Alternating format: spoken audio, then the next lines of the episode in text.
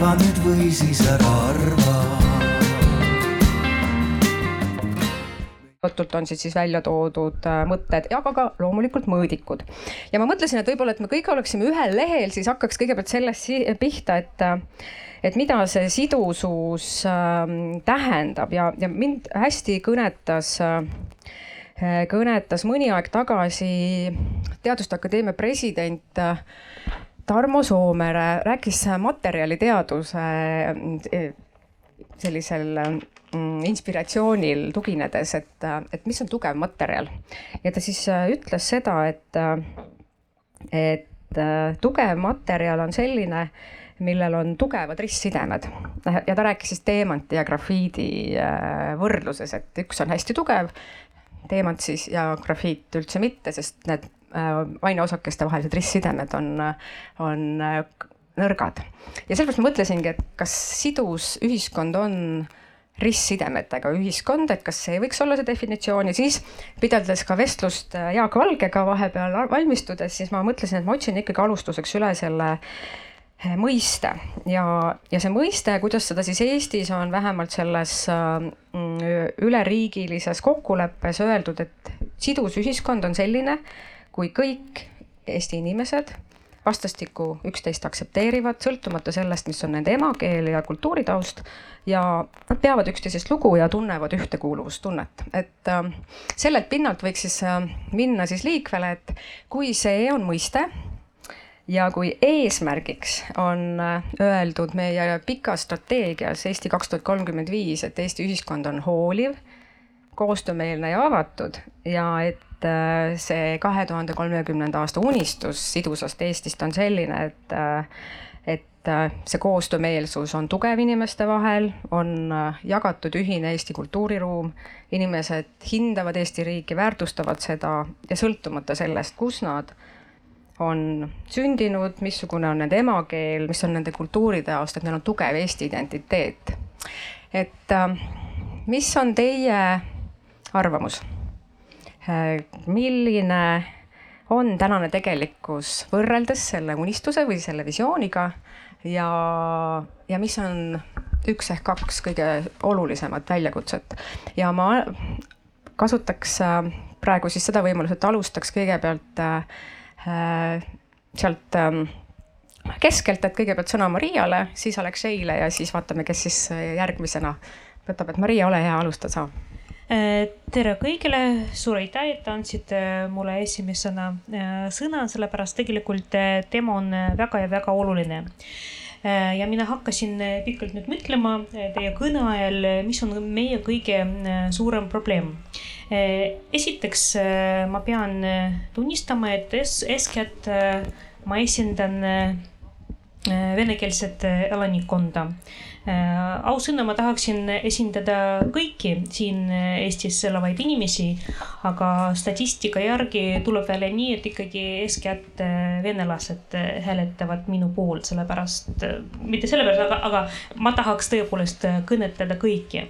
ja kui rääkida venelastest, siis ma pean tunnistama, et suurem osa inimestest tunneb end tõrjutuna meie ühiskonnas. Äh, nad äh, kahjuks tunnevad, et see ühiskond päriselt ei võta neid vastu ja see on tegelikult äh, suureks äh, probleemiks. Äh, tõepoolest, me tegeleme erinevate integratsiooni ja lõimumisprogrammidega, nad on läbinud erinevaid etappe. esiteks päris esimestes programmides oli pandud nii, et inimesed õppigu siis eesti keeli ja ongi siis integratsioon korras. peale pronksööd selline dimensioon oli muudetud ja jõuti selleni, et ikkagi see on kahepoolne protsess, ei piisa ainult sellest, et äh, venelased õpivad äh, riigikeelt. Äh, on vaja ka seda, et eestlased, ütleme siis, tunnustaksid neid inimesi ja ma arvan, et selles valdkonnas meil on tõe, tõepoolest veel on vaja pikka teed ja tõrjutus, tõrjutus ja, on sinu. ja vält- ja vältida ja üritada vältida tõrjutust, sellepärast mm -hmm. ma saan teile tunnistada, et kõik venelased äh, armastavad Eestit, nad tõepoolest äh, soovivad siin elada, äh, soovivad oma võimekuse piiridel keelt õppida. keegi, keegi ei eita, et see on hädavajalik selleks, et olla edukas ja integreeritud siia ühiskonda aitäh, suur tänu, suur tänu sulle. nii et äh, tõrjutus ja sinu valijaskonna kogemuse pealt sa seda jagad. annan siis siit kohe sõna edasi, Aleksei, sulle. tere, aitäh äh, ma alustan võib-olla sellest, et mul ei ole seda äh, valijate tunnetust, sest et mul ei ole pikaaegset äh, kogemust äh, olles töötanud elukutselise poliitikuna ja ma ei tea, kes need umbes kakssada inimest, kes minu poolt hääletasid, on äh, täpsemalt, aga ma tahan öelda, et äh, inimesena, kes on sündinud vabas Eestis, inimesena, kes on üles kasvanud Eesti Vabariigis äh, peale iseseisvuse taastamist, ma olen omandanud nii oma koduidentiteedi, milleks on eesti-vene, tatari võib-olla, kui ka olen tugevalt omandanud Eesti identiteedi koos riigi identiteediga, mis siis väljendub selles, et ma tunnen äh, rahvuslikke äh, pühi, äh, tähtsaid sümboleid, mida nad tähendavad ja ma oskan tähistada neid nii eestlastega kui ka muukeelsete inimestega Eestis. minu põhiline seisukoht on see, et kolmekümne aastaga on kõvasti tööd tehtud ja on inimesi, kes on higistades seda asja vedanud, aga on ka neid, kes on sellele vastu töötanud ja kahjuks või õnne, kahjuks nendeks on tavalised poliitikud räägime võib-olla hiljem sellest. ja, aga ütleks seda, et äh, nii hariduses on paar sammu edasi mindud, äh, kui ka üldiselt äh, inforuumi ja riigi institutsionaalsel tasemel. aga kõvasti on veel edasi minna ja minu meelest me, me küll leppisime kokku, et me ei räägi ühest konkreetsest ajaloolisest sümbolist, mis on Narvas, aga ma ütlen, et meie ajaloolised sümbolid ei ühenda meid siis need on nii-öelda eestlaste ajaloolised sümbolid ja olulised asjad ja siis muulaste omad. ja me ei ole vaeva näinud selle nimel, et luua meie ühiseid sümboleid, uus ajastu sümboleid, mis tähendaks kõigile midagi taasiseseisvunud Eestis nii, kui ma sind nüüd kuulasin, siis ma sain, äh, siis mina kuulsin seda, et äh, tähtis on see, et neil inimestel, kes on vabas Eestis sündinud, on tugev identiteet, riigi identiteet juba olemas. seda hoitakse kõrvu siis oma võib-olla päritolupere identiteediga ja, ja siis on ikkagi see väljakutse seotud sellega, et mis on need ühised edasiviivad sümbolid, mis ühendaks neid erinevatest kultuuriruumidest pärit inimesi aitäh. aga siis on, ma arvan, nüüd äh, hästi asjakohane hetk anda sõna Jaak Valgele. tervist siis äh, ka minu poolt äh, sellisesse põhjamaisesse kuumususse et ma lootsin, et, et ma olen viimane, et tunneli lõpus on valge, aga ma siis valgustan teid juba enne ära et kõigepealt ma siis ütleks seda, et, et ma, ma ei ole kindel, et kas see sidus e-, Eesti dokument on ikkagi meie ühiskonna kokkulepe, et seda tegelikult parlament ei ole vastu võtnud, parlament ei ole seda hääletanud. et see on natukene nagu selle Nõukogude Liidu konstitutsiooni moodi, mis tuhat üheksasada seitsekümmend seitse vastu võeti, et küsiti töökollektiividelt igasuguseid arvamusi ja siis võeti arva, arvesse neid, et mida siis otsustati, et sobivad nii, aga nüüd, mis meil on, meil on tõesti meie see põhiline sõlmprobleem Eestis on siis välispäritolu rahvastiku ja põlisrahvastiku siis sellised erinevad tõekspidamised ja erinevad hoiakud. Ja eh, on, ma olen Mariaga väga nõus, et eestlased ei peaks tõrjuma välispäritolu rahvastikku, aga kindlasti ma ei ole ka selle integratsiooni kontseptsiooniga, sellise integratsiooni kontseptsiooniga nõus mille kohaselt siis nii, niinimetatud kaks kogukonda peaks teineteisele lähenema, et tegelikult peab olema ikkagi tegemist siis välispäritolu rahvastiku eh, lõimumisega Eesti, Eestisse. nii, et see, nagu ma ütlesin, et see visioonidokument on minu arvates päris udu ja ma vaatasin ka need vanemad integratsioonidokumendid üle, et seal on hästi palju loosunglikkust ja tohutult sihukest optimistlikku reipust ja väga vähe sisu. et kui me nüüd vaatame noh, mingi kahekümne aasta tagust integratsiooni monitooringut, et kui me missuguse optimismiga seal hinnati, et kohe kõik pidi, pidi hästi korda minema, et see kõik on, on toimumata. peale selle on nende, on järk-järgult on neid integratsiooni monitooringuid ka muudetud. et äh, kui varasemates ikkagi veel küsiti seda, et kui paljud mitte-eestlased arvavad, et Eesti siis äh, astus vabatahtlikult Nõukogude Liitu, siis praegu enam seda lihtsalt ei küsita, et seda lihtsalt me, ja me ei saagi siis mõõta, et kuidas need poliitilised olukorrad on muutunud. Ja kohati on ka praegu need mõõdikud, mis selles visioonidokumendis on, need on lihtsalt naeruväärsed. nii, nüüd edasi, et hoopis kõige paremini võib-olla mõõdab äh, seda äh, lõimumise ulatust tegelikult kooselude ulatus. Ja ma ütlen teile, et see ei ole muutunud, et äh, Eesti ja mitte-Eesti inimeste kooselude osakaal on kaheksa protsenti, see on väga väike ja häda on siis veel selles, et ka teise põlvkonna immigrantide koosellumine eestlastega ei ole suurenenud, isegi natukene vähenenud. nii, ja mis, mis meil siis nüüd hästi ruttu, mida nüüd öelda esimese eeldusena, mida nüüd tuleks teha, et lõpetada selline loosunglikkus ära ja eestlaste ja venelaste vihastamine ja loomulikult panna kohe piir massiimmigratsioonile, sellepärast et muidu ei ole meil vähimatki lootust siis, et kui me õpetame osadele inimestele vene keele või vabandust, eesti keele selgeks, aga hoopis rohkem inimesi tuleb samal ajal sisse, aitäh! Ehk siis äh, väljakutse on see, et loosungid on äh, asendamas äh, päriselu probleemide kirjeldusi. asendanud päriselu probleemide kirjeldused, selge. Aitäh! Ja nüüd siis äh, ma mõtlen äh,, Eduard, ma annaks sulle, Eduard Odinets, sinu käesjärg. aitäh! Ja tere tulemast ka minu poolt kõigile kümnendale Arvamusfestivalile.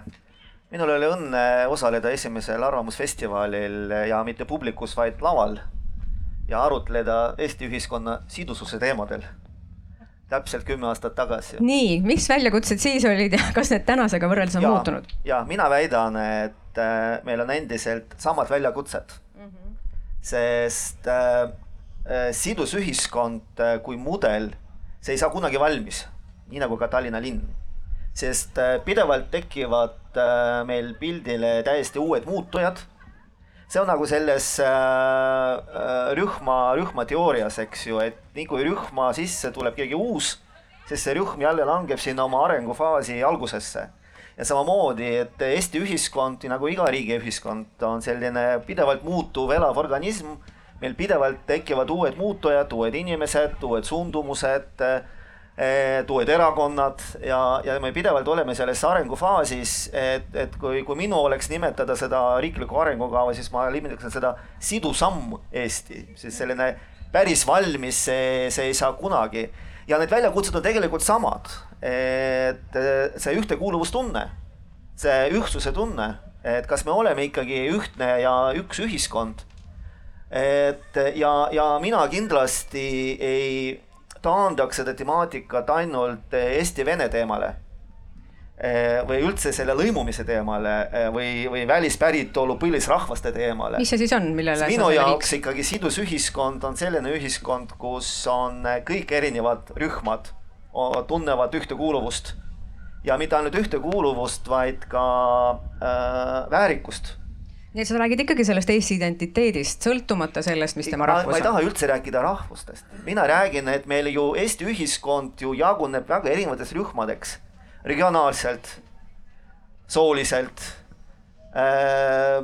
sotsiaalmajanduslikult. sotsiaalmajanduslikult äh,, seksuaalse käitumise poolest. et selles mõttes, et ja minu jaoks sidus ühiskond on see, kus meie kõik erinevate tunnuste alusel, erineva päritoluga, erineva käitumisviisiga kõik tunneme ennast siin hästi. sõltumata, kas me oleme põlisrahvastik või välispäritolu rahvastik, äh, eestlased või venelased, kes iganes, kas me elame Põlvas või, või Narvas, et kas me oleme rikkad või vaesed, äh, parlamendiliikmed või kaevurid, eks ju. et see ongi see väärikuse küsimus, mis on jaoks oluline kas aga sidususe ühiskonna seesama arengukava ka räägib sellest, et iga inimene on väärtustatud. ja ma arvan, me ei saavuta mitte kunagi seda sidusat ühiskonda, kui igaüks meist ei tunne, et ta on siin väärtustatud no siis sa räägid ikkagi kontaktsusest ja kuuluvusest, kontaktist ja. inimeste vahel ja sellest, et kas nad tunnevad, et nad kuuluvad äh, ühte, ühte kooslusesse, ühte ja, inimkooslusesse. aga siin eelmised kõnelejad keskendusid sellele eesti-vene immigrantid, põlisrahvad ja nii edasi, aga see on üks osa sellest. et sa võid olla ükskõik kui hästi integreerinud aga ma ei tea, elad kusagil, kus ma ei tea, riik puudub, nii õhukeseks villitud, et sa ei tunne ennast üldse väärikana seal, et, et sinu elu ei lähe kellelegi korda. sa oled üksinda, sa oled äh, maha jäetud kusagil, eks ju selge, siis ma ikkagi võtan siit kaasa selle väärikuse, väärikuse ja, ja väärtustatuse. jah, just see on minu jaoks kõige olulisem, aitäh. aitäh, nii ja Mart, ole hea, saad selle meie äh, seisukohtade esimese ringi kokku võtta ja aitäh, et erinevalt Jaagust ma muidugi valgustust ei tulnud sinna tooma, et võib-olla peaks debatti ja, ja arutaks ja, ja koguks siit mõtteid, aga kui tulla nüüd selle sidusa Eesti arengukava juurde, siis tegelikult seal on ju probleemid kenasti välja toodud ja ma usun küll, et sellega on tehtud äh, kõva tööd nii poliitikute kui ka siis äh, just äh, laiemalt rahva kaasamise osas, et, et tegelikult üks probleem meil on kindlasti siis keeleline ehk et eestikeelne haridus ja, ja see tuuakse selle esimese probleemina välja. Äh, ja teine on siis, äh, millest me täna veel ei ole rääkinud, on see eestlased, kes on läinud väljapoole elama, et nende tagasitoomine, side hoidmine ja siis kolmas probleem, kodanikuühiskond, aga ja, ja ühe asja ma tooks siia juurde, mida veel arengukava tegelikult ei puuduta ja minu meelest, milles ähm, Eduard tegi kenasti otsa lahti, on ikkagi see ähm, inimene, inimeste omavaheline selline kuuluvus, ühtsustunne ja, ja selline võib-olla võrdsus, et äh, meil ka selle arengukava vaates, et ilmselt ei ole ka siin väga palju jõutud keskenduda sellele, mis on meie viimaste aastate kriisid olnud, alates koroonast, energiast, äh, nüüd sõda ehk et see muudab hästi palju meie inimeste toimetulekut, kuidas me hakkama saame, kellel läheb paremini, kellel halvemini. Eh, raske talv on ees, kuidas siin inimesed hakkama saavad. ehk et me peame jälgima seda, et me ei jätaks kedagi maha, ehk et eh, on erakordsed ajad, eh, tuleb inimesi vajadusel aidata, tuleb märgata ja, ja tuleb sellega tegeleda ja ka eestikeelne haridus ja siis selles arengkavas kõige suurema probleemina välja toodud teema just see keelelisus. et ma arvan, siin on jälle suur töö tegemata poliitikutel ehk et ja võib-olla on see otsustusjulgus, mida kolmkümmend aastat pole tehtud, eh, mis nüüd eh, ma julgen öelda küll, et eelmise valitsuse puhul sai hoog sisse lükatud eestikeelse hariduse tegevuskavaga, aga teatud poliitilistel põhjustel ka mitte võib-olla nii hoogsalt. ja minul annab küll lootust nüüd nii-öelda uus koalitsioonileping selleks, et need asjad tehtud saaks. et kolmekümnendaks aastaks meil eestikeelne haridus äh, siis kuni põhikooli lõpuni välja on ja, ja tegevused hakkavad juba sel aastal peale. ehk et ma arvan, see on see koht, kus, äh, kui siin Maria ka ütles, et võib-olla keegi tunneb ennast kõrvalejäetuna või, või et ollakse huvitatud eestikeelsest haridusest, äh, aga aga kui me ei suuda seda pakkuda, ehk et siin tuleb luua võimalused poliitikutel nii riigi tasemel kui kohalikul tasemel, et kui inimesed soovivadki õppida, tahavad olla äh, selles haridussüsteemis, et me päriselt ka seda võimaldame. me ei karda seda ja me ei poe sellise ebaleva poliitika taha, et justkui nagu oleks vaja, aga hästi ei julge. kokkuvõttes kannatavad need inimesed ehk et me peame selle nimel vaeva nägema, sinna hulga raha panema ja need otsused tegema ja, ja need võimalused looma no kuulen siin siis ka seda ühisosa, et, et päris selgelt oli siin kosta see, et, et keele kaudu ja kultuuri kaudu ju sünnivad ka need ühised sümbolid, eks ju, aga see on teadlik töö, et, et nad sünniksid siin, ma Alekseiga kuulsin teatavat ühisosa ja kindlasti kuulsin seda ühisosa siis ka Maria ja Eduardi väärtustatuse versus tõrjutuse aspektist. Ja ja noh, ja ilmselgelt see erinevate hoiakute ja, ja loosungite teema noh, võiks läbiva joonena, eks ju, ühes ühtekuuluvustunde kontekstis äh, meil mõttearenduseks olla. kas keegi nüüd tahaks keele, mõne äh, kaasarutleja seisukohti kommenteerida? ma nägin, Marial oli esimesena sõrm püsti ja siis Aleksei, ole hea ja ma tahtsin äh, sekundeerida kahele asjale. esiteks see eesti keele arenguprogramm ja äh, kava siis üle viia kõik koolid, lasteaiad siis eestikeelsele haridusele. ma kardan, et siinsamas sündib mõnes mõttes Potjomkini küla, sellepärast ma tõepoolest tõepoolest ei usu, et aastaks äh, kaks tuhat kolmkümmend äh, seda on võimalik teha, sellepärast põhjus on väga lihtne. Äh, ma lihtsalt ei usu, kust me võtame neid õpetajaid, et neil, oleks mm. siis tõepoolest jagu ja nemad pakuksid kvaliteetset õpet eesti keeles või eesti keele õpet. ja teine asi, et tahaks kinni võtta Eduardi siis jutust sabast kinni ja öelda, et äh, nendele gruppidele, mida olete mainitud, ma tahaks äh, lisada ka naisi. Sellepärast naised on täiesti eraldi grupp ja just selline suur grupp väga tihti tunneb enne tõrjutuna, sellepärast peame ausalt ütlema, et neil ei ole võrdsed võimalused meestega tööturul, sellepärast naised on eeskätt need, kes kasvatavad lapsi ja otseselt majanduslikus sõltuvuses meestest ja tegelikult see on väga suur probleem meie ühiskonna jaoks. ja sa rääkisid samuti, et inimesed igal pool Eestis tunneksid end võrdselt ja väärtustatud ja ma saan öelda, et naised naised, äh, mitte Tallinna, Tartu ja suuremate linnade naised äh, just tunnevad end äh, väga alavääristatuna, sellepärast neil elementaarselt ei ole sama, sama häid transpordivõimalusi, et sõita kuskilt kaugemalt Eestisse suuremale linnale. ja selles mõttes naised on eraldi selline suur grupp, kellele, millele on vaja eraldi tähelepanu pöörata, aitäh. aitäh, minu siis väljakutsete nimekirjas on siis nüüd veel üks teema juures ja naised ja võrdsed võimalused ja noh, keeleõppe teemat tegelikult juba Mart Võrklaev puudutas, nii et sellelt sa tõid lihtsalt juurde, eks ju, selle ühe tahu, mis puudutas seda, et kas on võimekus selle, selle eesmärgi po-, see eesmärk ära teha, arvestades õpetajaid, programmide olemasolu ja nii edasi. Aleksei, sul oli ka sõrm püsti ennem ja aitäh.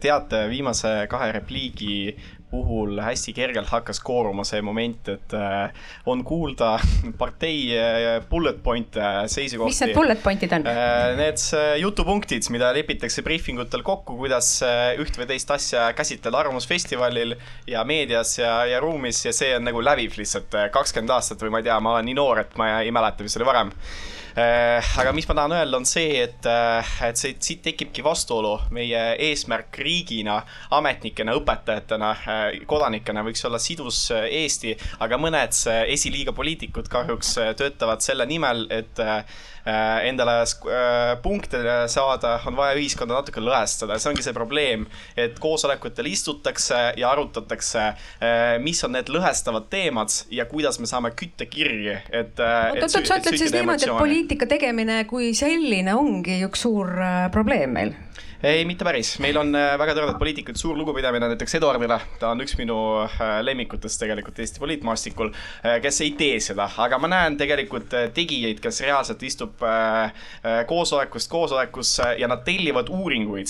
tuhat inimest küsitletakse üle Eesti, kus küsitakse lõhestavaid küsimusi. Ja, ja siis selle põhjal hakatakse kommunikeerima asju meedias ja see on meie probleem.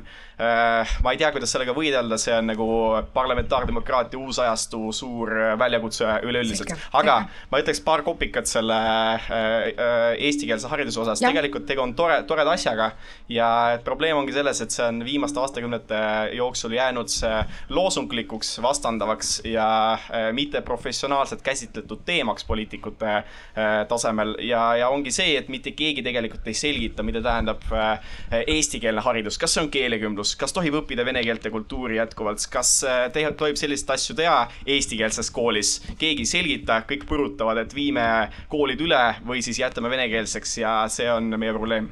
väga hea, suur tänu ja nüüd on siis meil äh, järgmisena oli sõrm, sõrm püsti Jaagul ja siis on Eduard ja siis on Mart. ja siis me tahaks väga kuulda, mida arvavad inimesed, kes ei ole poliitikud sellest teemast, nii et Jaak, ole hea ja aitäh, et loomulikult on meie ju kõigi eesmärgiks ikkagi sidus Eesti, aga nüüd, nüüd natukene tahaksin selle lõhestamise kohta öelda, et noh, et üks asi on lõhestavad teemad, aga teine asi on poliitiline pluralism. et ühel ja teisel, ütleme, sellisel ideoloogial ja ideoloogia kajasta, kajastajatel ongi erinevad vaated, et me ei tohiks selle lõhestamise peatamise nime all kuidagi takistada poliitilist pluralismi. nii, nüüd see, et me räägime nüüd Eesti ühiskonna sidususest ja toome siia üha uusi ja uusi elanikkonnagruppe, tegelikult minu silmis on see ikkagi probleemi ähmastamine et meil on, peame meeles, et üheski teises maailma riigis ei ole proportsionaalselt nii suurt venekeelset kogukonda, kui on Eestis, nii suurt proportsionaalselt ja see on, see on siis väga loogiline, et need, need, kuidas öelda, seisukohtade ja hoiakute lähenemine, see võtab väga palju aega. nii, ütlen kaks sõna veel hariduse kohta ka, et eh, muidugi põhimõtteliselt on ju, me ju saame kõik aru, et emakeeles õppimine on ju tegelikult palju efektiivsem kui võõrkeeles õppimine, aga kuna nüüd kolmekümne aasta jooksul ei ole ikkagi te teiskeelne elanikkond eesti keelt korralikult selgeks saanud, et siis nüüd see eestikeelsele haridusele üleminek on justkui hädalahendus, meil ei ole lihtsalt teist varianti. nii, ja uuesti, et äh, ütlen siis selle proportsioonid üle, et nimelt, et arvutasin välja, et kui me läheme täielikult eestikeelsele õppele üle, et siis äh, B1 taseme äh, eesti keele õpetab, lõpe, saavutab siis põhikooli ja gümnaasiumi lõpetamisel lõpetamisel tuhat kolmsada õpilast aastas rohkem seni, kuni seni. Aga kui meil samal ajal tuleb kuus tuhat kuni kaheksa tuhat uut äh, idaslaavi immigranti sisse, noh, siis on see ju sõelaga vee kandmine, vabandust, aitäh. Aitäh selle lisaaspekti siia juurde toomise eest. Ja nüüd kaks ja pool minutit maksimaalselt Eduard sulle ja teine kaks ja pool minutit siis Mardile. aitäh, kõigepealt tänan Alekseit komplimendi eest, võtan väga omaks aga ei võta omaks kriitikat poliitikute suunal, sest äh, kui sa kutsud lavale erakondade esindajad, Riigikogu liikmed, siis nad räägivadki neid asju, mis on nende jaoks olulised, mis on nende ideoloogilised seisukohad ja nendest lähtuvalt nad räägivadki, kas nad on Arvamusfestivalil või pensionäride päevakeskuses või, või koolis kohtumas inimestega. seesama poliitiline pluralism, ühesõnaga jälle ühisosad kuule, ühisosa kuulen siin. aga äh, me leppisime kokku alguses, et me ei räägi tankist aga me muudkui sellest räägime. sest minu jaoks tank on kui sümbol ja kui me hakkame rääkima siin jälle venekeelsest, eestikeelsest haridusest ja nii edasi, minu jaoks on, me räägime tankist. et, et mina tahaksin rääkida midagi muud, eks ju, ja sellepärast ma alguseski tõingi välja selle, et, et äkki me saame korraks seda Eesti-Vene teemat, mis on, mis ongi see, mis me kogu aeg räägime, kui me räägime sidusast ühiskonnast, kõrvale jätta ja mõelda, et ka selles eesti-vene kogukonnas on ju väga erinevad inimesed, ma ei hakka ennast kordama oma esimest etteastet, aga üks äh, mõiste või üks asi, äh, millest, mis, mis minu meelest ei ole siin veel kõlanud, aga mida ma tahaksin esile tuua seoses sidususega, on äh, koostöö ja kaasamine. ma arvan, et need on olulised asjad, et kui me oleme võimelised koos maha istuma, koos midagi tegema, koos mõtlema, koos otsustama ja, ja, ja et me äh, ei välista kedagi selles koostöös, selles ühes laua taga istumises, see ongi juba väga suur samm sinna sidususe poole. et äh, ma tahaksin ka veel sellist Eestit näha, et kedagi ei jäeta kõrvale ka arutelust ja koos istumisest ja koos otsustamisest. no Aitäh. nüüd, nüüd sa hakkasid juba sinna lahenduste suuna, võttis see vestlus meil, et äh, tõrjutuse vastand, mis asi on, eks ju mm Mart, võimalus äh, nüüd kommentaariks enne veel, kui läheme siis äh, kõigi osalejatega arutama, mis on lahendused? ja ma proovin kiiresti, et Maria lihtsalt see jutt tegelikult, mida ongi kolmkümmend aastat räägitud, et meil ei ole neid õpetajaid, meil ei ole raha, meil ei ole võimalust, et äh, seamegi endale eesmärgi, lepime kokku tegevused ja teeme need asjad ära, siis tulevad ka raha ja, ja kõik muud ja Alekseile, et sa oled ka poliitik, kui sa siin oled.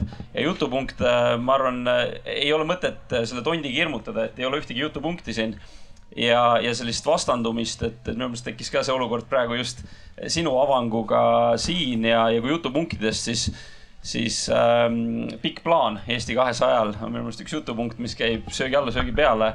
Pole, pole sisu kuulnud aga see, et eh, kas vene kultuuri tohib koolis õppida, kui on eestikeelne haridus, siis loomulikult tohib. ja see ongi see, mida, kui kuulata, siis ka tegelikult eh, on poliitikud rääkinud, on ametnikud rääkinud, ehk et seda, mida sisaldab eestikeelne haridus ehm, ja, ja, ja kuidas see vene kultuur seal kõik kenasti säilib ja inimeste emakeel, et sellest kõigest on räägitud ja selle kõigega eh, on arvestatud, aga üks teema veel, mida me minu meelest täna ei ole siin avanud, on on ikkagi äh, sõda Ukrainas ja, ja põgenikud, viiskümmend tuhat inimest, kes meil on Eestisse tulnud ja nende inimeste integreerimine, äh, nendega arvestamine, äh, kes läheb tagasi, kes jääb siia.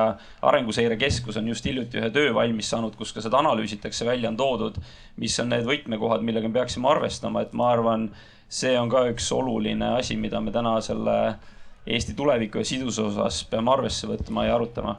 mis on täpsemad mõtted, et äh, Ukraina sõjapõgenike äh, kohanemist siin, nende. Nende kohanemist, et äh, ilmselt ikkagi hulk inimesi jääb siia, kuidas nad ennast täna siin hästi mugavalt ja turvaliselt tunneks, kuidas luua neile võimalused, et nad saaksid kodumaale pöörduda, kui see õudus seal lõpeb, aga kuidas tegeleda ka nendega, kes siia jäävad, et et see moodustab väga suure osa meie rahvastikust, nad on väga kiiresti siia tulnud. et see võib tekitada meile probleeme, aga see võib olla ka meie võimalus nii meie vaates kui nende inimeste vaates, kui me siin toimetame õigesti ja, ja loome soodsa pinnase selleks, et inimesed saaksid Äh, integreeruda, siduda nad ühiskonda ja, ja koos edasi minna. jah, ja ärme unustage seda ära, et eelmise aasta rahvastikuregistri andmetel aasta alguses oli meil Eestis ju üksteist tuhat inimest, kes ütlesid, et nad on ukrainlased, nii et, et meil on ju tegelikult see ei ole mitte ainult äh, see osa, kes on sõja jalust põgenenud, oma yeah. elu hinna pärast põgenenud. jah, aga nüüd on viiskümmend tuhat juures hetkel, eks? jaa, aga nüüd me oleme jõudnud täpselt sellesse kohta, kus mina olen saanud maha märgitud mm maha märgitud siis need teemad, äh, mis võiksid olla väljakutsetena järgmise, kuigi natuke tunnen nagu seda kõhedust, et kuna Eduard ütles, et kümme aastat tagasi oli täpselt sama, et no võtame siis järgmise kümme no sarnane oli, oli sinu sõnastus, et olid sarnased väljakutsed, aga et need väljakutsed, mida me võiksime nüüd mõelda ja koos idee, ideid luua, ideestada, et äh, üks väljakutse siis oli äh, tugeva ja sidusa ühiskonna ehitamisel on eesmärkideks loosungid ja lahendused on ära unustatud. teine väljakutse oli seotud Ukraina sõjapõgenikega, siis ähm, kolmas naiste võrdsete võimalustega neljas keeleõppega, eesti keele õppega, siin oli palju teemasid, ressursid, vastandumine, kas äh, oma emakeele, oma emakeeles ka kultuuriteemad ja kultuurilise kultuuriline keskkond ja õpp- ja kultuuri õppimine on ikkagi endiselt oodatud, on palju erinevaid aspekte. siis mis on meie, meil, meil puuduolevad edasiviivad ühised sümbolid ja tõrjutus ja väärtustatus, mille külge ma kleebiks ka selle koostöö ja kaasatuse kohe. ja nüüd me teeme mm, laiemalt siis immigratsioon või? sisseränne Eestisse, massiimmigratsioon nii, nüüd on kõik äh, saanud oma mm, nägemuse väljakutsest välja öelda, nendest, kes on ähm, siin minuga koos arutelulaval ja nüüd on meil arutelualal mitmeid inimesi.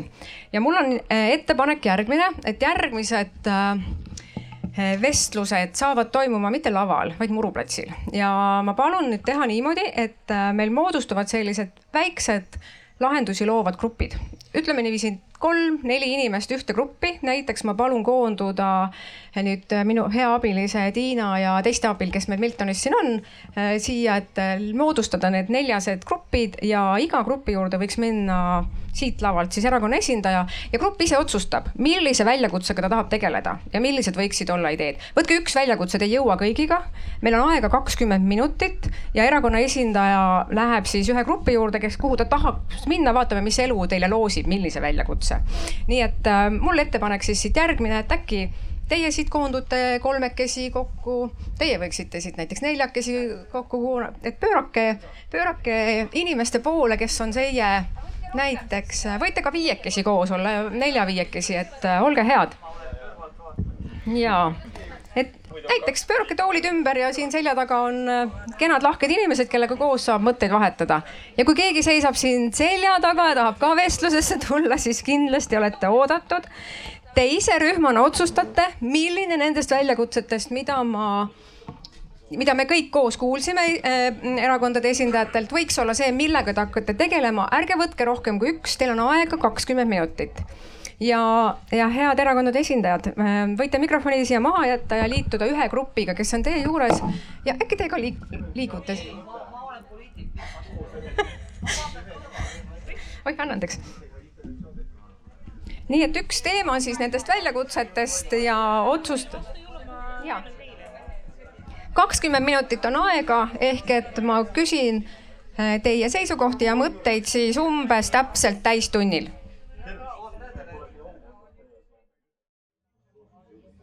nii, Eesti Raadios läksid eetrisse eh, täistunni uudised ja meie arutelu aeg sai nüüd eh, väikestes rühmades eh, joone alla ja tahaks hakata kuulama, mis teema te valisite, millise väljakutse võtsite ja mis lahendusi lõite. suur aitäh teile, et nii aktiivselt kõik kaasa lõite, isegi need, kes alguses ütlesid, et jäävad kõrval seisma, võtsid osa.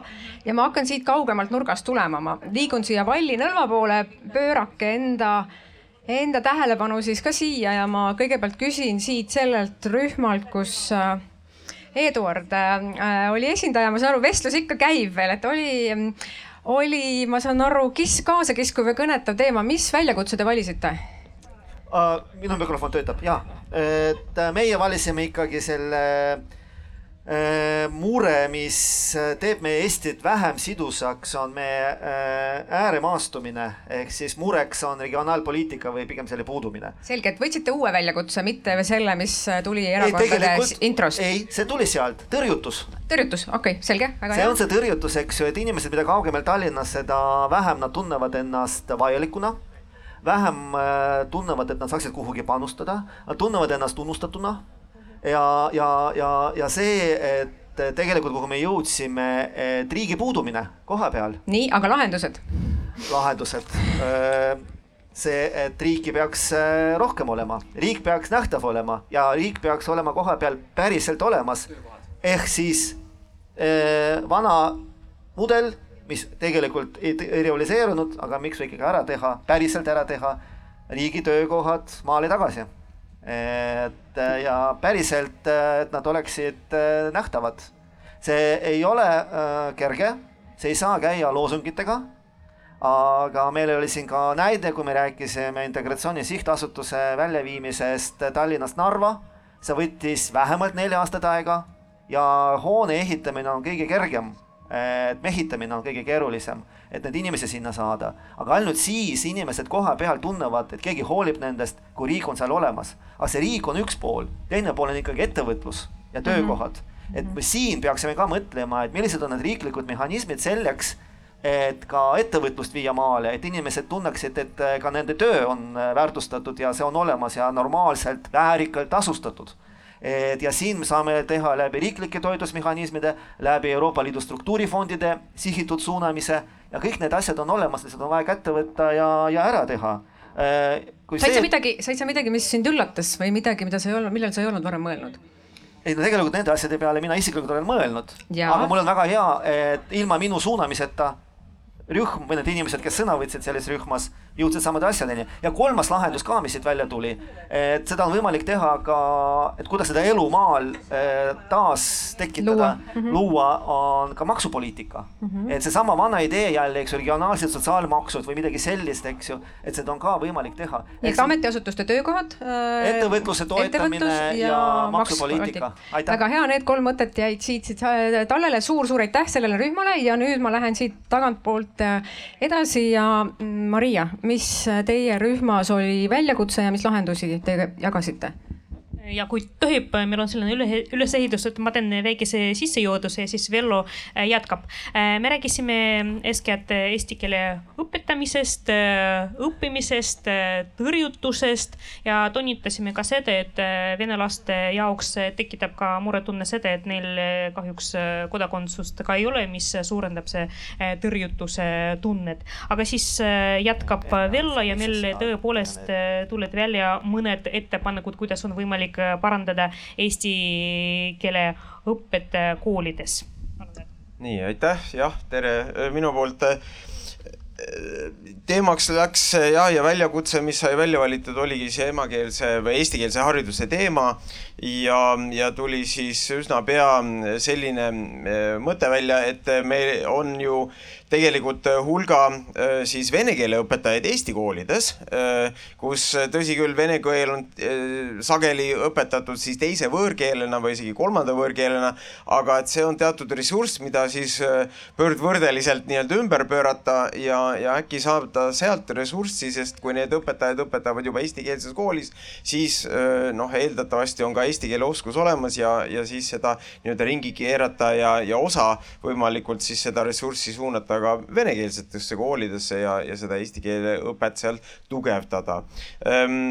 Teine, aga noh, siin tuleb tõdesime, et, et on ka geograafilised või regionaalsed erinevused, eks ju.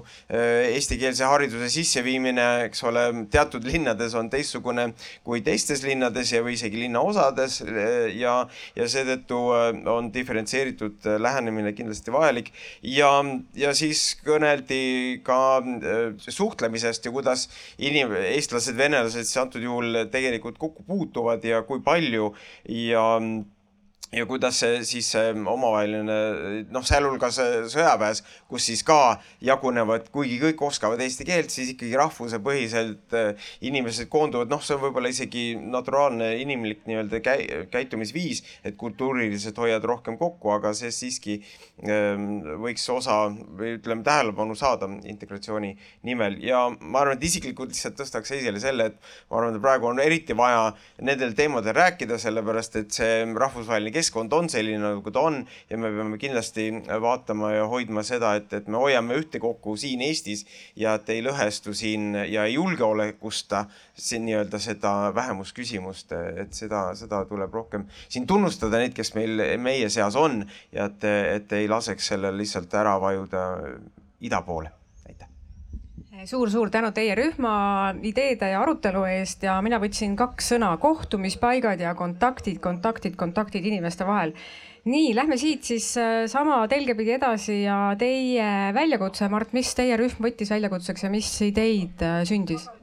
ja ma annan siit kohe sõna Henrile edasi, Henri räägib.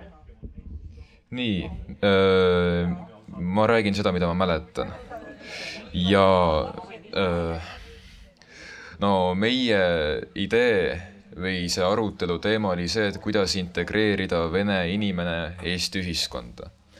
no oli siin, meil oli siin päris mitmeid teemasid, aga kuidagi keskseks teemaks jäi ikkagi see haridus äh,. Ah, lahendustega on selline asi, et äh, me nagu päris lahendusteni ei jõudnud, aga äkki me võime, võin need koha peal välja improviseerida, kui mul on piisavalt sihuke äh,. jõudsime selleni et äh, eesti keele õppimine vene noore poolt ideaalis ei tohiks olla sunduslik, et tal peaks olema ikkagi mingi stiimul, äh, miks seda päriselt õppida, et äh, vene noorel võiks eesti keelt päriselt vaja minna. aga tegelikult me jõudsime ka järeldusele, et vene noorel tänapäeval pole Eesti tööturul midagi peale hakata, kui ta eesti keelt ei oska, kui ta tahab teha karjääri. Ja ta peab tulevikku siis me rääkisime ka sellest, et üks asi on inforuum.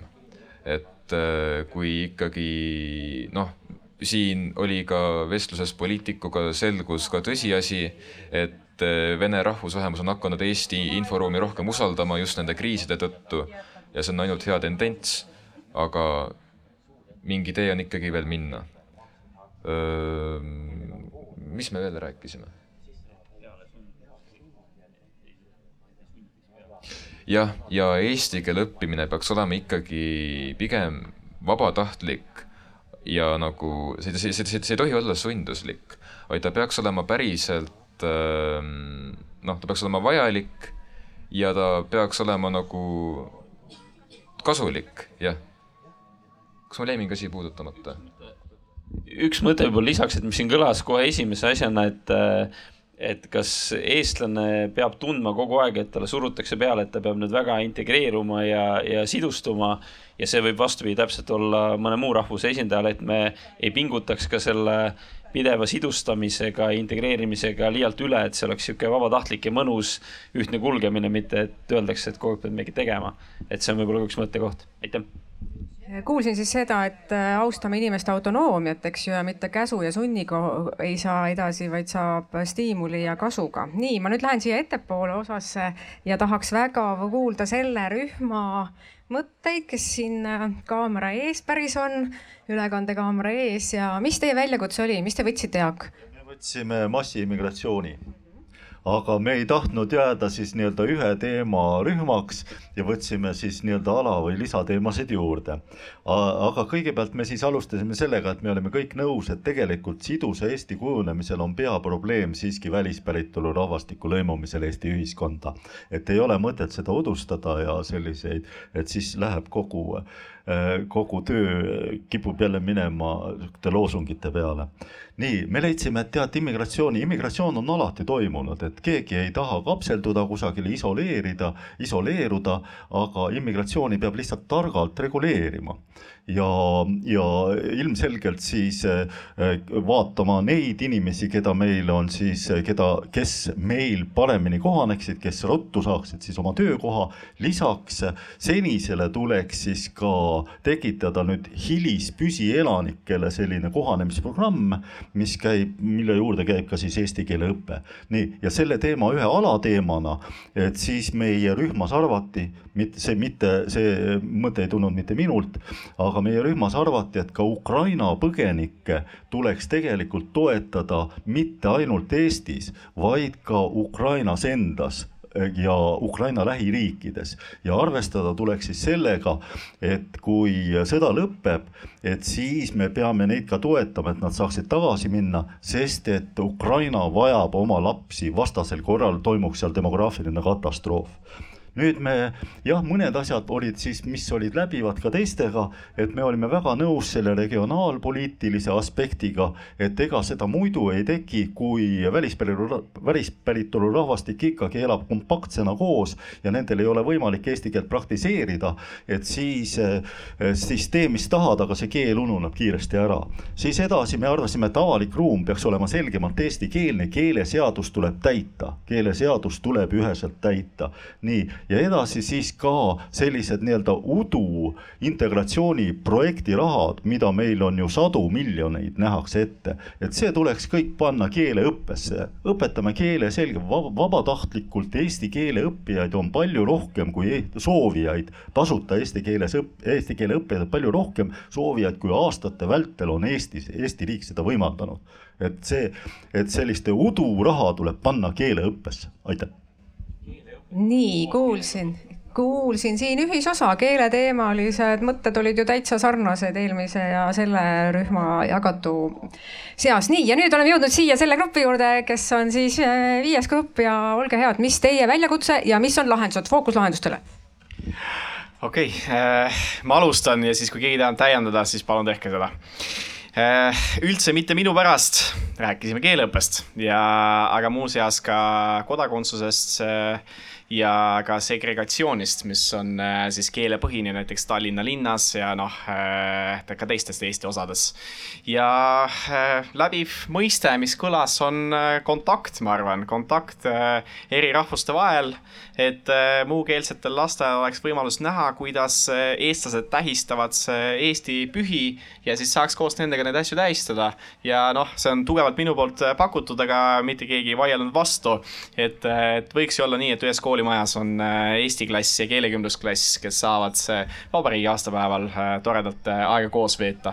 ja lisaks veel seda, et mis, mis oleme veel rääkinud?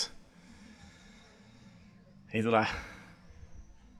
no eks me jõudsime ikka nende piirkondlike eripäradeni, et seda kahte ainet saab kokku segada siis, kui mõlemat ainet on piisavalt palju meil on kindlasti Ida-Viru terve maakonnana väga keeruline, noh, suuremad linnad ja meil on ka Lasnamägi ikka väga keeruline, kus neid kokkusegatavaid aineid, lihtsalt seda eestikeelset ainet on nii vähe, et ta noh, ei, ei pääse mõjule, nii et aga sellele meil nagu väga head lahendust ka ei olnud kohe hetkel no rääkisime tegelikult, äh, võimalus lahendada on see, et, et, et õpilasvahetused ja võimalused minna teiste maakondadesse Ida-Virumaalt näiteks oleks vältimatu osa, äh, kohustuslik osa sellest programmist ja et lapsed päriselt käiks äh, Viljandimaal, Pärnumaal, Saaremaal ja näeks, kuidas elu seal käib. ja see ongi peamine no ikka jälle seesama kontakt, eks ju, kontakt ja kohtumispaigad ja keel, mis äh, ühendaks ja sümbolid, mis ühendaks ja üks ähm, minu igapäevaelu teadmine on see, et kui inimeste vahel on äh, rohkem kontakti, siis kasvab ka seda tahtmist äh, neid kohtumisi kohtumisi sisustada ka sellistel teemadel, mis on keerulised. ma väga tänan teid, me saime mitu, äh, mitu peegeldust siin neile teemadele, mis ka arutelus alguses, esimeses osas erakonna esindajate poolt välja mm, öeldi, tulge nüüd, olge head, äh, Mart, äh, Aleksei, äh, Maria, Jaak ja Eduard tagasi siia aruteluala lavaosasse. Mm, kõiki ma väga-väga tänan ja ma tahaksin enne, kui ma annan viimaseks ringiks äh, erakonna esindajatel sõna, veel anda võimaluse kommentaariks kahelt inimeselt, kes vahepeal koputasid mulle õlale, siis ka nendel oli väljakutse teemaline kommentaar, ma saan aru. kõigepealt oli mees, kellel oli fotoaparaat üle õla, kõigepealt teile ja siis teile. tere, et ma olen külamees, kes on hajaasustusega külast elanud terve oma elu. Äh, palga olen teeninud küll linnast valdavalt ja ma räägiks teile ühe väikese jutukese, kust võiks tulla selline üldisem lahendus. et ühesõnaga teema ei ole mitte esialgu eestlased, venelased, vaid lihtsalt, et erinevad keeled. ja ma räägin selle jutu oma emakeeles, eh, mida aastal tuhat üheksasada rääkis aktiivselt vist umbes sada viiskümmend tuhat inimest. aastal kaks tuhat üksteist seitsekümmend tuhat ütles, et oskab veel, aru saab, aga, aga noh, rääkijaid on kindlasti vähem. ütle sõnaga ta jutule võro keelen Eh, ta on mu imekiil ja too jutu kõnel mulle üks mees aastast tuhat üteksasada, kes oli juba katsakümne aastane mõni aasta tagasi ja too jutt on aastast tuhat üteksasada kolmkümmend katessa. ja tul, mis on seal piiriveeren, ta oli siis katseaastane, oli aasta juba koolin käinud. ja tal oli sõsar, kuueaastane, kes veel koolin käinud ei ole. ja ta ütel, et tuu sõsar üte suve hummoga juusse tää poole, et Valter, Valter, et tule no ruttu, et meil tuli moro peale kats miist ja nad kõneles, et räägi kiilt ja ma ei saa mitte midagi arvu.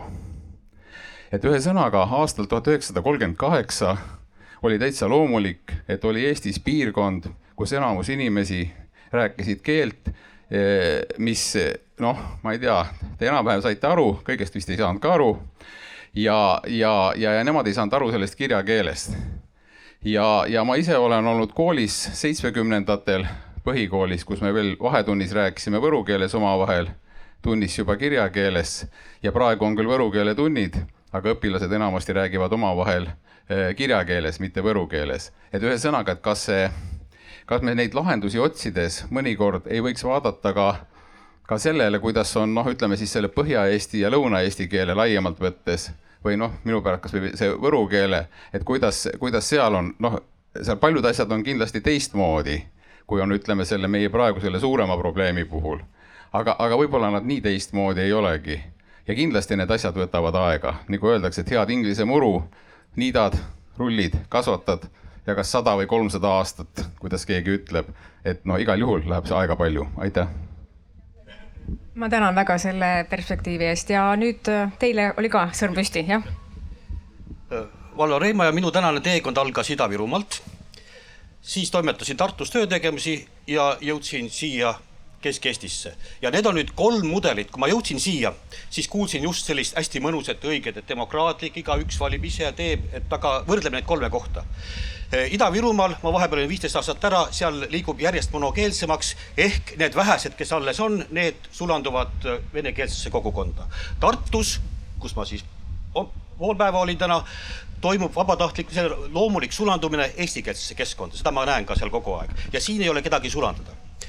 mul on siin hea tuttav, kes nägi oma silmaga Riigikogu keele või eh, siis kultuurikomisjonis, kuidas need viimased mohikaanlased Ida-Virumaalt Lüganuse kooli näite puhul hakkavad nutma, suur mees kõrgel ametikohal hakkab nutma, kui me räägime Ida-Virumaa eestlastest, need viimased, kes vastu peavad, kes ei taha veel ümber keelestuda.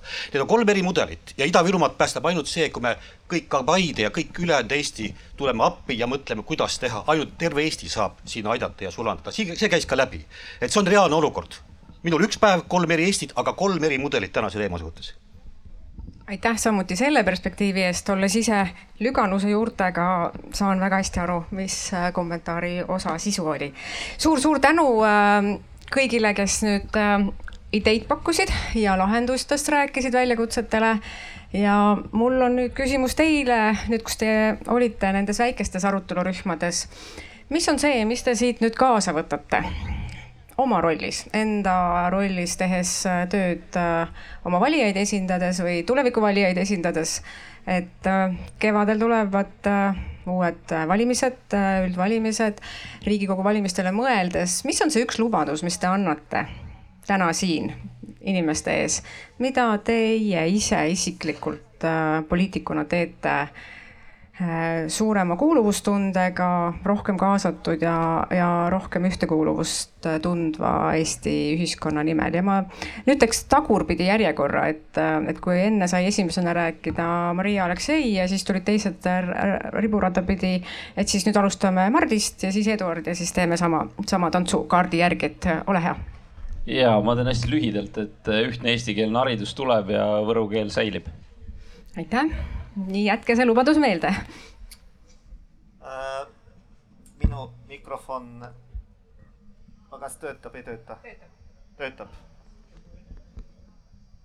nii äh, lühidalt äh, või, või pikalt äh,. nüüd töötab teine mikrofon äh,. selles mõttes äh, mul on pisut kahju et see, kuhu ma üritasin oma esimeses kahes sõnavõtus suunata arutelu sidusa Eesti ja sidusa ühiskonna poole ei ole vilja kandnud. et me ikka ja jälle hakkasime rääkima eestlastest, venelastest, haridusest, keelest äh,, Lüganuse koolist ja, ja, ja nii edasi, eks ju. et minu väide on see, et äh, kui me panustame rohkem nendesse teistesse teemadesse, millest mina üritasin rääkida, et siis meil lahenevad ka need eestlaste-venelaste mured seda on, seda on näidanud ka tegelikult needsamad lõimumismonitooringud, mida siin juba äh, tsiteeriti, eks ju. kui tsiteeriti ja kritiseeriti, nii, aga mis on sinu lubadus? minu lubadus on see, et, et ma jätkan sama juttu rääkimist. et äh, tegeleme sotsiaalmajanduslike äh, teemadega, tegeleme naiste teemadega, tegeleme piirkondade, regioonide, regionaalpoliitikaga, et üritame siduda Eestit teist poolt pisut ja siis lahenevad ka need asjad. sest lõimumismonitooringud näitavad, et kui inimestel läheb majanduslikult hästi, kui neil, ma ei tea, kodus läheb hästi ja nii edasi, siis oluliselt tõuseb ka nende sellise lõimumise valmidus äh,, usk Eesti riiki, austus Eesti riiki, lojaalsus ja kõik sellised komponendid aga see töötab mitte ainult venelaste puhul, see Vaid töötab ka, ka eestlaste ja kõikide ja. teiste puhul. et mina tegeleksin enne kui selle tingliku tankiga, mina tegeleks äh, teiste teemadega ja see on see, millega mina kavatsen valimistele minna, aitäh. suur tänu, Eduard ja nüüd on järg siis äh, Jaagu käes. ahah, aitäh mis ma... on sinu lubadus, et äh, Jaa. rohkem ühtekuuluvustunnet Eestis oleks? ma alustan natukene teistmoodi, et ma mõtlen, et me oleme Eduardiga natukene nagu Oru Pearu ja, ja siis Andres. Mäe Andres jah. Mäe Andres jah aga, aga, aga see ei tähenda, et me oleksime üksteisega vihased või kuidagi õelad, aga et me oleme eri seisukohtadel ja võib-olla tõesti vanas eas veel muutume ka seisukohtadel sarnaseks.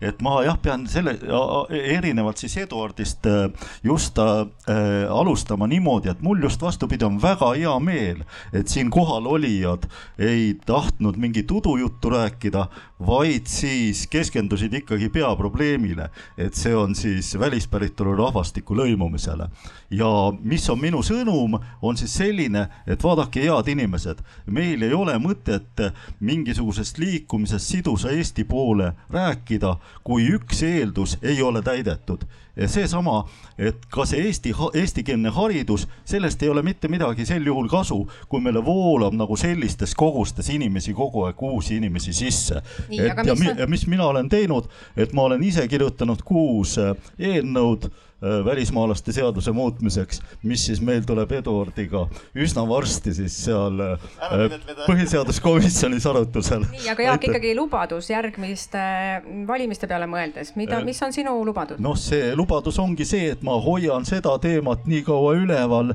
ja ka teisi lõimumisega seotud teemasid nii kaua üleval, kui need lahendatud saavad. aitäh. nii, aitäh, Aleksei, sõnajärg sinul äh mitte ainult poliitikas, äh, vaid ka haridusvaldkonna ja lõimumisvaldkonna töötajana. ma lihtsalt jätkan oma tööd. ma jätkan äh, kommunikatsiooniga nii eesti kui ka vene keeles, äh, mis on samasugune, et ei hakka edastama erinevaid sõnumeid erinevatele inimestele. Jätkan ühisosa ehitamist, olgu eesti keelt õpetades, olgu lõimumisprojektide elluviimisel. Äh, ja, ja, ja ütleme nii, et kui meie noh, paljud seisavad tänapäeval ühtse Eesti kooli eest juba aga kui, kui neid asju ei ole võimalik ellu viia poliitmaastikul, siis ma lihtsalt viin neid ellu äh, haridusmaastikul. ehk siis koolis? Äh, jah, olles haridusjuht, olles äh, pedagoog, olles kes iganes ja me lihtsalt teeme selle ära ja, ja vahet ei ole, kas me tuleme võimule või, või ei tule, kui me tuleme ikkagi. aitäh sulle ja Maria, ole hea, sinu lubadus, mõeldes sellele tugeva identiteediga, Eesti identiteediga Eestimaale, kus inimesed ühtekuuluvustunnet omavad minu lubadus on äh, väga lihtne. Äh, ma töötan äh, selle nimel, et kõik inimesed, kes elavad siin Eestis ja on lojaalsed Eesti riigi suhtes, kõik tunneksid, et nad on vajalikud ja väärtuslikud. ma pean väga oluliseks, et eestlased tunneksid end turvaliselt ja kaitstud ma mõtlen siis äh, julgeoleku mõttes ja samas äh, ma tahan, et äh, teiste rahvuste inimesed, kes siin elavad Eestis, tunneksid, et nad on ka vajalikud ja nad on aktsepteeritud. ja kindlasti on vaja kuidagi ära lahendada kodakondsuseta probleemi, sellepärast ikkagi see kehtib meil Eestis, mis, mille tõttu see tõrjutuse tunne kahjuks meil ei kao kuskile, et äh, kõik inimesed olgu väärtustatud, vajalikud ja tunneksid, et äh, Eestis on hea elada ja see on nende kodu no see on nüüd küll laen, lau- la,, see lause on nüüd küll laenatud sellest äh, kokkuleppest aastani kaks tuhat kolmkümmend, milline võiks üks äh, tugevate ristsidemetega ühiskond olla. mina nüüd tänan väga kõiki teid ja nüüd annan teile võimaluse Riho kaasabil üks hääletus teha, on see nii, jah? no nii, aitäh. mis korras, ma tänan ka äh, arutelul osalejaid nii siinpool kui siinpool.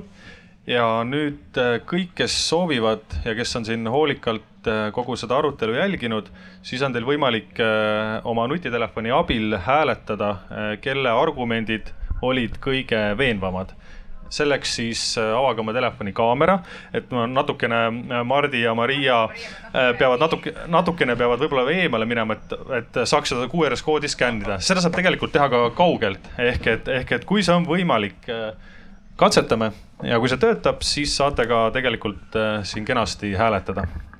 aitäh praegu ja natukene siis sigimist-sagimist, et saaksime selle QR koodi ka siit kätte ja siis saavad ka kõik arutelus osalejad natukene tagasisidet äh, selle kohta, et äh, kuidas tundus. valimised juba ja, ja ma näen, äh, ma loodan, et see läheb tempokalt. nii, mis meil siis siit ekraanilt vaatab, üks minut on meil veel jäänud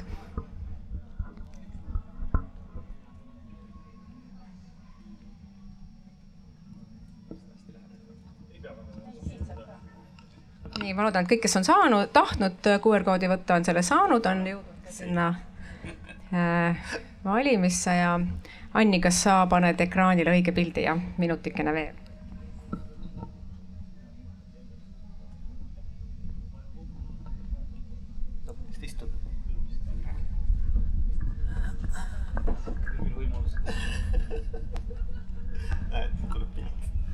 nii, vaatame siis, mis meil siin selline kiire peegeldus on, ahaa, no siin on siis äh, ilus natuke, ma loodan, et kõik on saanud, kes on tahtnud QR koodi võtta.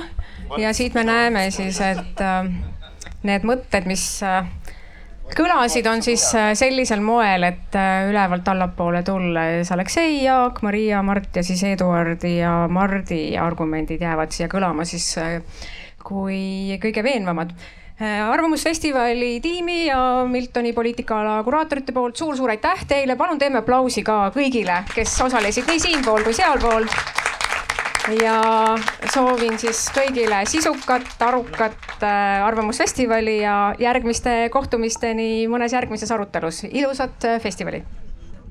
selge see, et ega kõike teha. μαζί με μένα.